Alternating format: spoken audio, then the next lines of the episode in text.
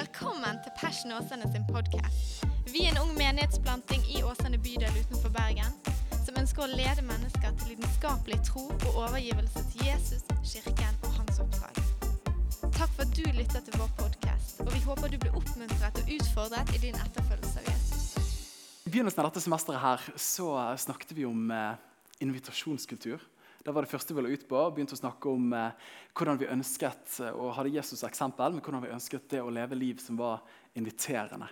Eh, og eh, Ikke bare invitere folk til huskirke og til gudstjeneste, selv om det kan være skikkelig bra, men å leve liv som er større, der det er plass til litt flere mennesker, og der vi kan invitere mennesker inn i livene våre. Vi alle trenger hverandre.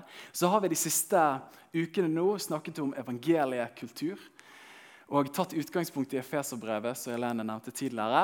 Men vi ønsker å være et fellesskap der Jesus er så tydelig i sentrum. Og at det er med å forme kulturen av de vi er, og det vi ønsker å være.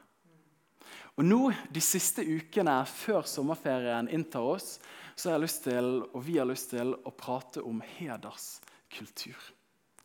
Og det, og Jeg holdt på å liksom si en æreskultur, men det kan jo assosieres med mye annet. liksom, eh, Som gjerne ikke er fullt så bra. Så et hederskultur er det vi ønsker å snakke om. da.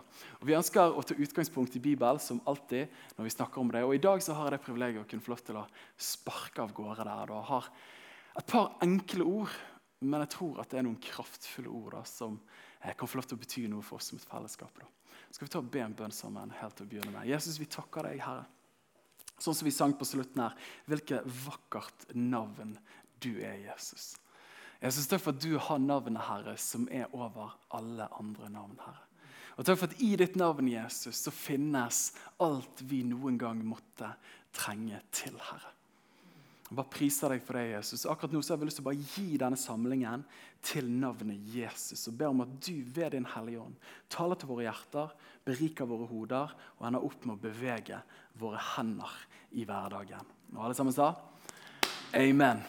Hederskulturvenner. For en tid tilbake så var det en person som jeg så opp til, som eh, kontaktet meg. Og så spurte han eh, Daniel, kunne du, kunne du tenke deg å være med i denne gruppen her. Fordi at, fordi jeg ser at eh, du, du har et godt hjerte. Bare, yes, thank you for det. Men jeg ser at du er flink på dette området. her, og Det har vært kult å ha din kompetanse med der. Og jeg bare, wow, liksom, Ikke wow at, at du ser jeg er flink, det har jeg visst, men veldig fint at andre òg ser det. liksom. Tuller. Ehm, det er jo det vi tenker. Så fint at andre bekrefter det som jeg alltid har følt. Og så blir jeg invitert med og tenker at det er stas. da. Og det er veldig kjekt. Første samlingen vi kommer på, så er det gøy. Jeg blir introdusert for andre personer. Eh, og så en senere anledning, kommer, når vi samles igjen, så kommer han og så sier han, du, jeg, eh, det er en person til som jeg tenker på som hadde vært utrolig gøy å ha med i denne gruppen. her. Og så tenkte jeg at eh, ja, spennende. liksom. Og Så nevner han en person, og den personen her, det er en person som jeg kjente litt, men som var ca. på min alder. Og Det er helt rart, men fra å føle meg liksom utrolig handchosen, liksom, picked out Og så var det en annen som var på min alder, som holdt på med det samme som meg, som ble valgt ut òg. Og da er det akkurat som det gikk inflasjon i at han hadde valgt meg ut. Jeg bare nei, hva er det som skjer her liksom? Jeg trodde jeg var spesiell. Er den òg spesiell? Og jeg er jo kristen, så jeg sier jo ikke noen ting. sant? Jeg smiler jo. Vi, alle kan, vi kan kristensmile, liksom. Det, det er så utrolig kjekt. altså. Det var veldig gøy å høre. Vet du hva? Det var utrolig bra valg. Vet du hva? Jeg, kunne, jeg har faktisk tenkt på det sjøl òg. Og så sier vi de tingene der, og så kjenner vi på innsiden svingene, liksom. Der rykket jeg fra førsteplass til 13.-plass. Og er ikke det sånn i livet at vi kan sitte i et klasserom, og så kommer læreren og så slenger han ut en oppmuntring til deg, og du bare kjenner ja, endelig bekrefter noen det som jeg alltid har visst. Og så i neste øyeblikk eller neste time så bekrefter han den andre og bare Hva skjedde? Mente ikke du det du sa til meg? Og så trekker vi den konklusjonen umiddelbart. ikke sant?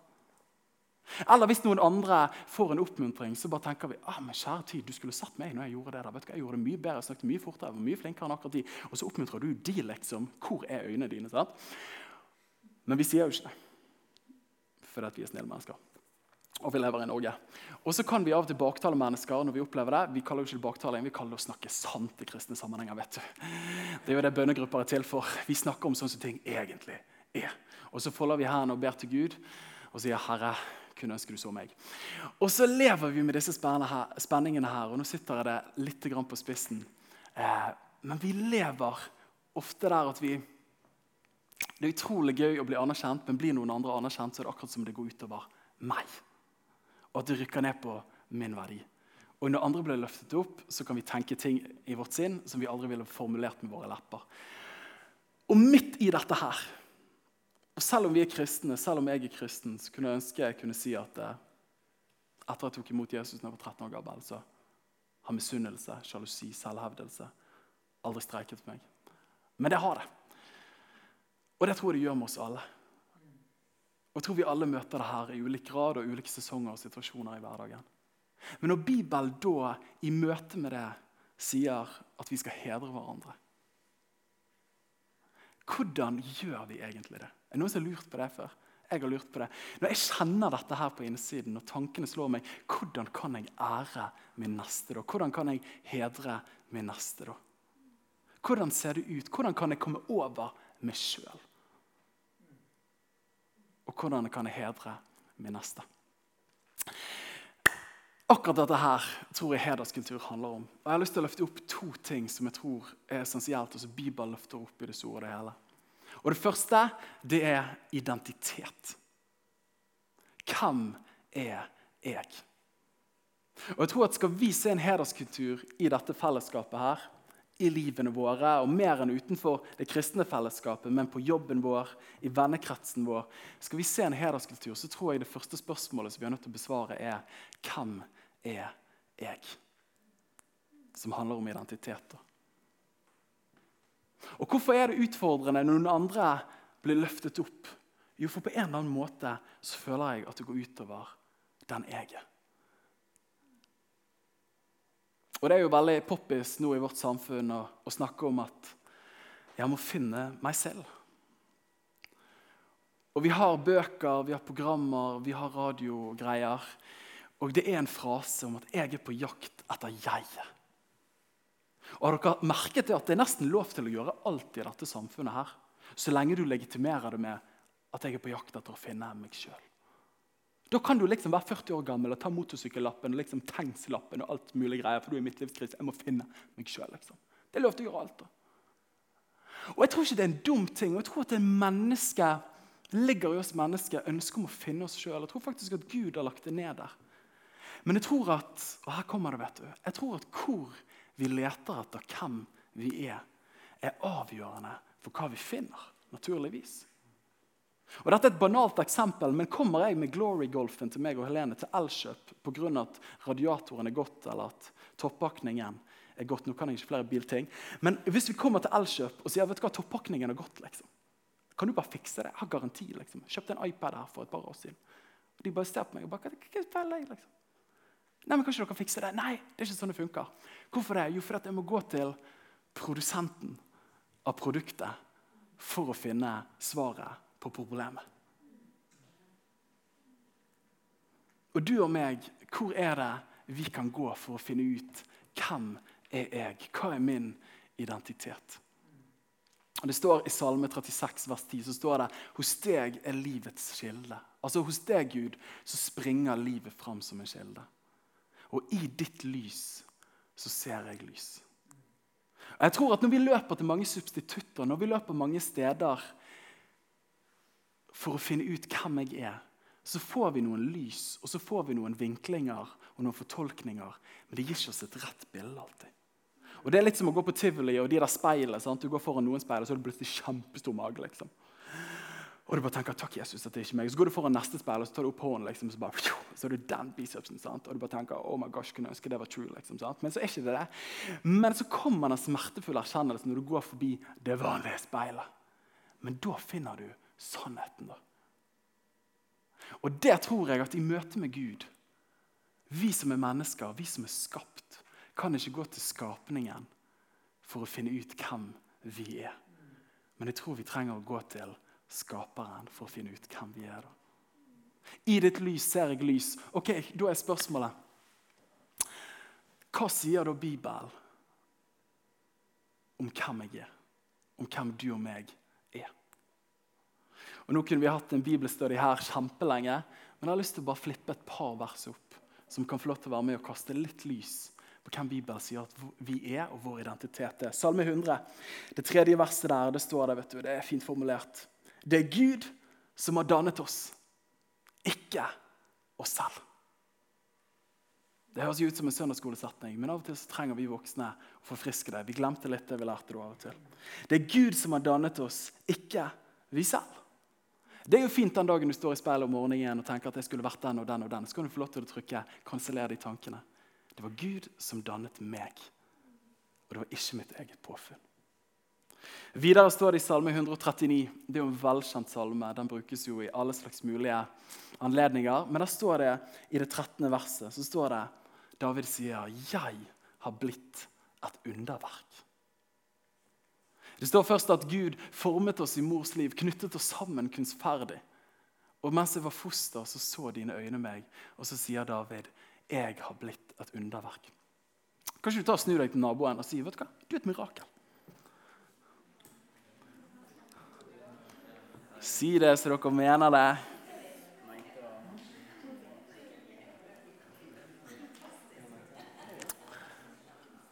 Er ikke det fint? Hver og en av oss vi er et mirakel, vi er et underverk. Og jeg digger det, jeg digger det han sier i salmen. Vi har lest den salmen 139. Han sier at det underfulle er dine gjerninger. Og jeg må si det av og til når jeg går gjennom hverdagen og blir kjent med meg selv, så bare tenker jeg, kjære tid, underfulle er dine gjerninger. Det får meg til å undre. Hvordan kunne du skape dette? liksom? Det er ganske rart, det her av og til. Du får deg til å undre. Og så står, og sier han eh, hva han sier, på skremmende underfullt vis har du formet meg. Ja, av og til er det skremmende hvordan vi henger sammen. Det er helt sant. Og hvert når du gifter deg, så finner du ut at kjære Gud, det der var skremmende. Men vi er et underverk, da. Vi er det, og i, og i første Mosebok, det første kapittelet og det 27. verset, så står det at Gud skapte mennesket i sitt bilde. I sin lignelse, i sin likhet, skapte han det. Så det første Når vi snakker om en hederskultur, så tror jeg det første spørsmålet handler om identitet. Hvem er jeg? Og Da må jeg se i hans lys, og der ser jeg at det var ikke meg, men det var deg som skapte meg. Jeg snakker ikke sånn. Men jeg gjør det akkurat nå fordi eh, jeg følte Du vet når du leser Bibelen, du vet når du synger lovsang, så blir det plutselig bokmål. Stygg sak. Tilgi meg, Jesus. Men i hvert fall i hans lys så ser vi lys. Og Et vers som har fulgt meg de siste årene, og som vi har snakket mye om, i dette fellesskapet her, er Feserne 2.10. Jeg har lyst til å bare knekke det helt opp før vi hopper videre til neste poeng. Men der står det i Feserne 2.10 så står det at for vi er hans verk. Du og meg vi er hans verk. Og På engelsk står det at vi er hans workmanship, eller hans masterverk. Skapt i Kristus Jesus til gode gjerninger, som han på forhånd har gjort ferdig for oss. Og En dag når jeg leste det verset der, så, så slo det meg at uh, Daniel, du er veldig glad i Ikea. Og det er jo helt sant. sant? Det slo meg mer enn bare det. Jeg vet jeg er veldig glad i Ikea. Mange i Persen er glad i Ikea. Men det slo meg på Ikea drar jeg inn der og sier Helene, jeg har fått bøker, jeg trenger en ny bokhylle. Og så kan jeg gå inn og få en billig hylle der. Men jeg kan òg dra til Beijing, det kommunistiske Kina. Og så får jeg den samme billighyllen. Og så kan jeg dra til Singapore, og så får jeg den samme billighyllen der. Og så slo det meg en dag at hva er det jeg finner på Ikea? Jeg finner deilige pølser fra Sverige til fem kroner. Det er konge.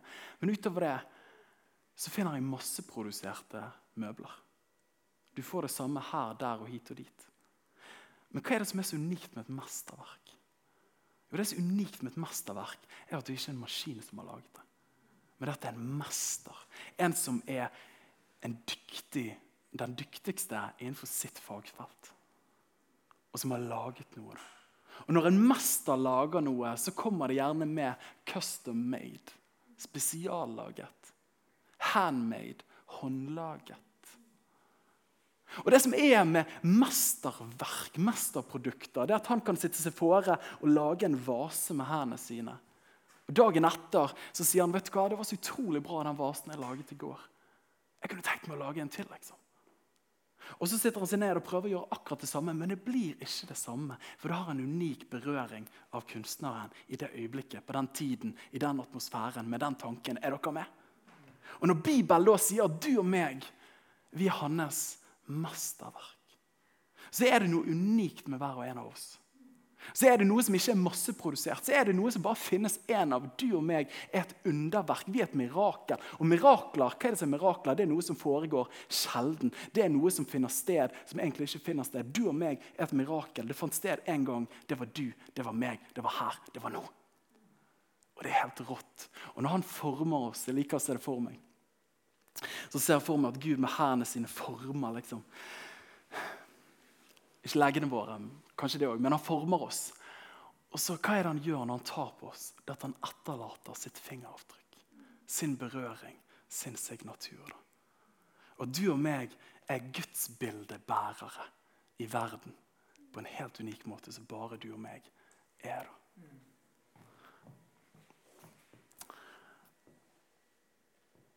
Og hvis det er tilfellet, at du og meg er helt unike Og jeg vet at dette er litt sånn søndagsskoleundervisning, men jeg trenger å høre det. Jeg tror vi alle trenger å høre det. Hvis vi er grunnleggende forskjellige, personligheten vår, utseendet vårt Det finnes ikke et likt fingeravtrykk på hele kloden. Da slår det meg hvordan kan det ha seg at vi prøver å være mest mulig? Når vi er grunnleggende fra skapelsen ulike. Er ikke det et mysterium? Og hvordan kan det ha seg når han personen som inviterte meg med i den eliteklubben, følte jeg, inviterer en annen person inn, så kjenner jeg meg truet? Det er jo helt, det er jo helt irrasjonelt, egentlig. For jeg er Daniel. Jeg er født 14.8.1992. Jeg har disse fingeravtrykkene, jeg har denne personligheten, jeg har opplevd de tingene, jeg har de foreldrene. liksom. Ingen andre har sånne foreldre. Er du med? Og så sammenligner han meg. Det er kjemperart. Og der er det akkurat som det slår meg at du og meg har en løpebane som ingen andre kan løpe inn i. Og du og meg har et mål og en hensikt for vår tilværelse som ingen andre kan. Og Prøver jeg å treffe Mats sin blink i livet, kommer jeg for det første aldri til å treffe han. Jeg kommer til å gjøre han utrolig mye dårligere enn han kunne nå han. Og jeg kommer til å gå glipp av det som jeg var ment å gjøre i mitt liv. Fordi at vi er unike, og det er en unik hensikt og løpebane for våre liv. da. Og det er lett å tenke at vet du hva, Daniel, kjempefine poeng. Krysser av på det, liksom. Helt topp. Jeg har grepet det der.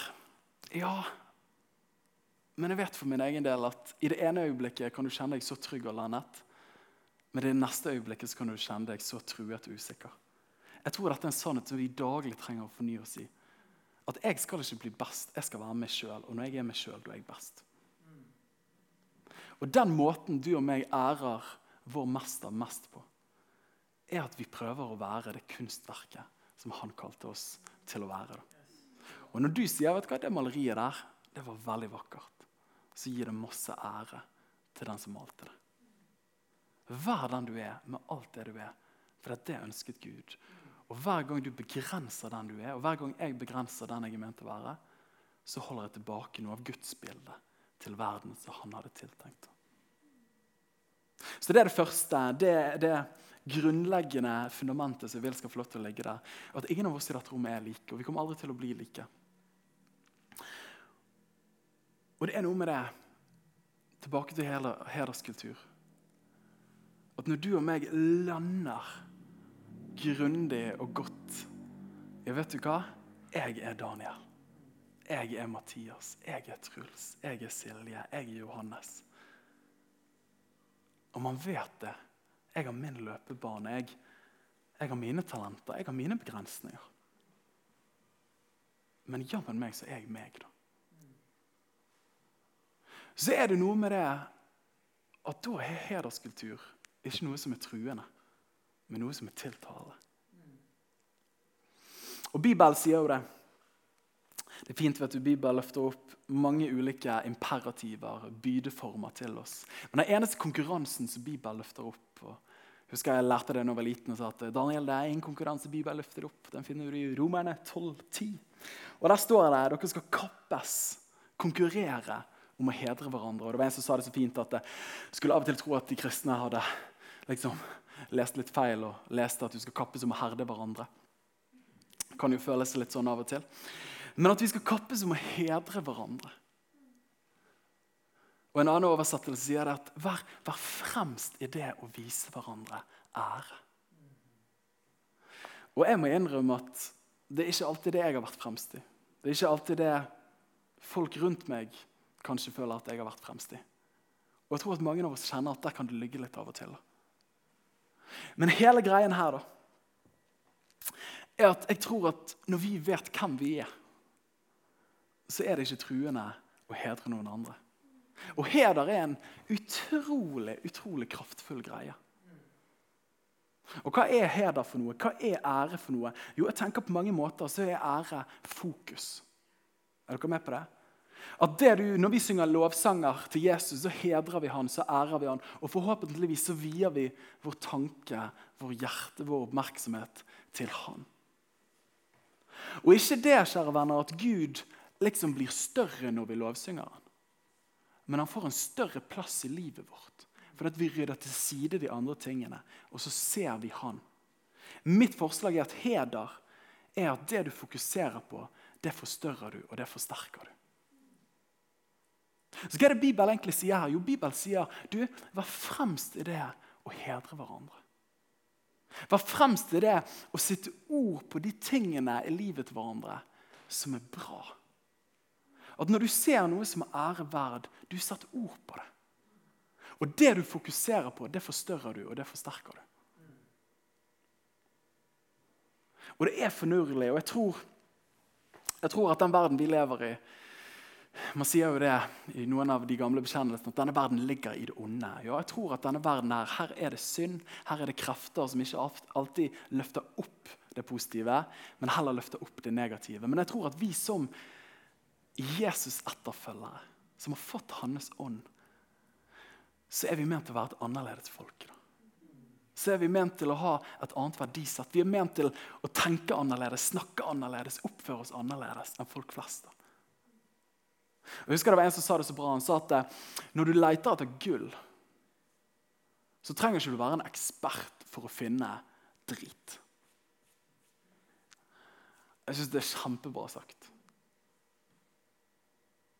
For dette I møte med mennesker så kan vi så lett tenke at vet du hva, jeg, jeg, ja, jeg ser at det er noe bra der, men det er jo så utrolig mye annet dårlig òg. Og så er det bare Men det er helt rett, liksom. Du har 100 rett i det. liksom. Du trenger ikke profetisk gave engang. Du ser det. Alle ser det. Men det er likevel noe som er veldig bra der. da. Og det vi hedrer, det vi anerkjenner, det vi setter ord på, det vi våger å beundre, det tror jeg at vi forsterker. I morgen skal jeg ha pedagogikkeksamen på Stord. Jeg skal lese litt i morgen tidlig. Jeg har lest litt på fredag og har lest litt tidligere, så tror det skal gå greit. Gjerne be for meg hvis du kommer på det. Men der snakker vi i pedagogikken om at, eh, og det er jo veldig klassisk, men i møte med elever som er vanskelige, så er det så utrolig nærliggende å bare si du, lille Pelle, nå snakker du. Hysj, hysj, hysj. liksom. Lille Pelle, ta opp hånden din når du skal si noe. Lille Pelle, ikke fargelegg på Sara sin tegning. Du skal fargelegge på din tegning. Og så kommenterer man hele tiden alt som ikke er bra. Og hva skjer? Jo, man forsterker den atferden som man egentlig ikke vil ha. Men det som man lærer da, er jo at man skal ignorere de tingene som ikke er så bra. Og med den ene gangen Pelle liksom tok hånden halvveis opp liksom, Han tok han opp idet han begynte å snakke. liksom. Så kan du si 'Veldig bra, Pelle! Veldig bra, Du tok opp hånden din.' For at du skulle si noe. Han hadde sagt noe uansett, men han tok opp hånden. Og så skal du lovprise det lille han gjorde. da. Og Da forsterker den atferden der. Dette er pedagogikk, men dette er det Bibelen snakker om òg. At er det noe som er ære verd, så er det Er det noe som er bra i kirken vår? Du satte ord på det. Ja, men det er mye som ikke funker. Ja, jeg vet det, jeg òg, liksom. Jeg vet det kanskje bedre enn deg. Men det er noe som er bra, liksom. La oss ære det. Er dere med? Og så har vi de personene i livene våre som vi kjenner ok, men kjære gode Jesus, gi meg profetisk gave. Jeg trenger syner, drømmer og visjoner liksom, for å se at det er noe positivt her. sant? Sånn, det er de menneskene. Og hvis du er i familiebesøk, liksom, Onkel Anton liksom, han bare må langt bort ifra. Sant? Men han har òg en gang vært et skjønt lite barn som trengte pupp, og som var veldig skjønn. sant? Det finnes noe bra i han òg, liksom. Og jeg tenker på det at om ikke, Vi har så lett for å, å hedre aktivitet. Men hva om, vi, om du ikke finner noe bra å hedre på aktiviteten? Men er det mulig å bekrefte identiteten? Er det mulig å bekrefte det gudebildet som Gud har skapt enhver og en av oss i? Og når vi gjør det, så tror jeg vi er med å forløse aktiviteter. Jeg tror at all vår aktivitet flyter fra vår identitet. Sånn du anser deg sjøl, sånn vil du agere. Hvis vi bekrefter mennesker for de de er, så tror jeg at vi kan se at de blomstrer i måten de lever på. Og En forbilde for meg, en av pastorene i Bethel Church, Chris Walton, han fortalte en historie en gang om at han hadde en sekretær som sa at eh, 'jeg elsker å høre profetier når andre mennesker blir profetert over'. Og så sa han, hvorfor, hvorfor liker du å høre profetier når andre blir profetert over? Jeg liker bedre å liksom få profetiene sjøl. Og det er flere av oss som er der. Men så, sa han, du vet hva, jeg elsker når andre får ord fra Gud. For da hører jeg hvordan Gud ser de. Og når jeg hører hvordan Gud ser disse menneskene, så vet jeg hvordan jeg skal behandle dem. For at når jeg behandler dem sånn som Gud ser dem, så er jeg med å forløse det som han har kalt dem til. Vi trenger ikke være profeter for å finne dritet i livene til hverandre. Det er ganske åpenbart av og til. Vi alle har uvaner, vi alle har blindsoner. Men tenk om vi kunne være en sånn kirke, sånne mennesker som i møte med hverandre så gudebildet. Så de gode tingene. Hedret det, forstørret det, forsterket det. Tenk om vi gjorde det med kollegaene våre. Tenk om vi gjorde det med, med folk i hverdagen vår. Det gjør noe med atmosfæren. da. Og jeg tror at Vi ville sett at mennesker rundt oss vokste på en helt annen måte. Kong David, Det står om han at han var i ødemarken. Vi kjenner historien. Saul skulle ta livet av han. Og eh, Han var kalt av Gud til å bli konge. Og Så flykter han ut i ødemarken, og så står det at det kom masse mennesker til han som var bitre i sjelen, og som hadde masse gjeld. liksom. Og Så kom de til David, for de hadde ikke noe rett til å leve i Israel. Og Hva er det som står om David? Jo, Det står at de kom til han, og pga. at han visste hvem han var, hva Gud hadde kalt han til, så hopper vi 10-20 år fram i tiden. Så ble disse mennene som var utskudd i sin ungdom Når David ble konge, så står det at de var Davids mektige menn. Det var de folkene som vant kampene. Det var de som var hedersmennene i riket. Og da slår det meg Vet du hva? Her er det en konge. Her er det en mann som, som har sett noe som var ganske godt skjult under ganske mye grums. Men så ga han lys og han ga fokus til det. Og 10-20-30 år senere så er det de noble, de oppreiste, de mektige mennene i landet. Tenk om vi kunne være sånn som kirke. Tenk om vi kunne være sånn som enkeltpersoner. Ja, Onkel Anton han er litt vrien i dag, liksom. Men tenk om ti. Tenk om vi i møte med hverandre Ja, den uvanen Daniel har, og Mathias tenker fy søren, liksom. Må han alltid si det eller gjøre det? Ja, men det er noe annet bra der. Og Så bekrefter man det. Og I løpet av fem år så er det forhåpentligvis noe annet. Er dere med? At vi våger å ære hverandre. da. Og helt til slutt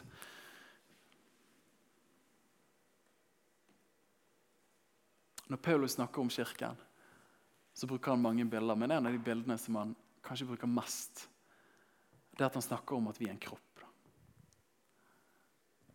Og en kropp henger sammen av mange deler. Dere kjenner analogien godt. Men han sier skal liksom hånden si til foten 'Jeg har ikke bruk for deg'. Det er ikke sånn det funker. Hånden, selv om denne oppgaven som hånden gjør, er vidt ulikt den foten gjør. Og tilsynelatende, så når jeg griper denne stolen her, så tenker du ja, men foten er ikke involvert. Det er jo hånden han bruker. Ja, men jeg kunne aldri løftet han hadde jeg ikke stått på føttene mine. Er dere med? Og Likevel du og meg ikke alltid ser den umiddelbare sammenhengen mellom hverandre, så trenger vi hverandre. Og For en tid tilbake så slo det meg i møte med denne teksten her at i samfunnet vårt så staver suksess ofte solo. Men i Guds rike staver suksess alltid sammen. Og det gjør det egentlig alltid. Du finner aldri en stor person som har gjort noe bra, som gjorde det bare helt alene. Men det var foreldre, det var venner, det var lærere som har sådd inn i en person som gjør at den personen en dag kunne etterlate et avtrykk. Er dere?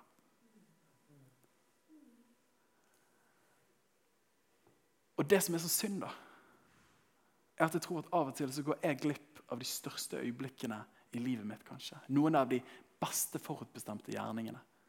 For at jeg har lyst til å klare det sjøl. Pga. at jeg har lyst til å vise at jeg kan. Uten å forstå at min suksess henger sammen med de andre. Og din suksess henger sammen med meg. Og det er ikke et meg og et deg, men det er et oss. Det er sammen.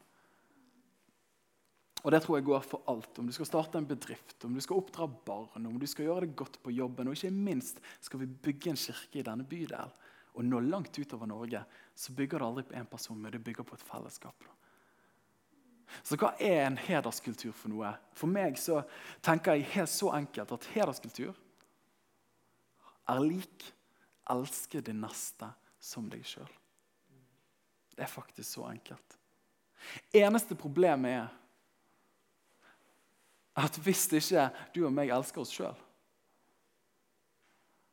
så vil vi gi den samme kjærligheten som vi gir til oss sjøl, til vår neste. Og da får vi en herdekultur. Det ligningen funker, vet du. I den grad du elsker deg sjøl, vil du ofte elske din neste.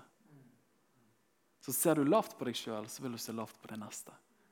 Men er du landet i deg sjøl og vet at jeg er unik, jeg er dannet av Han, jeg er skapt i hans bilde, jeg er ikke best på alt, men jeg er best på å være meg, så er jeg trygg til å frigjøre hedre og anerkjenne andre.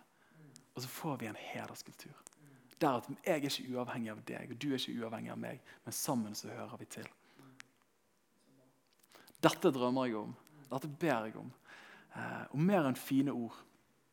Måtte dette her få lov til å være noe som utfordrer oss. Og da har jeg lyst til å si til deg ikke, jeg, jeg, tror vi alle kan kjenne oss igjen i det eksempelet jeg brukte til å begynne med. Men ikke føl at, at man må begynne liksom å det, Av og til er det bra å liksom, fake it to make it. Sant? Hvis du kjenner at kollegaen irriterer deg egentlig veldig, men du har lært i kirken at du skal oppmuntre, så det ta på kristensmilet, for det kan alle. Og så sier vi du var kjempeflink å kopiere de papirene. Eh, og så begynner det litt der av og til. Men før vi kanskje trykker på å løfte andre opp, så har jeg lyst til å gi oss alle en hjemmelekse. Til å speile oss i hans øyne og se hva han sier om oss og hva hans stemme definerer oss som. For i hans lys er vi lys.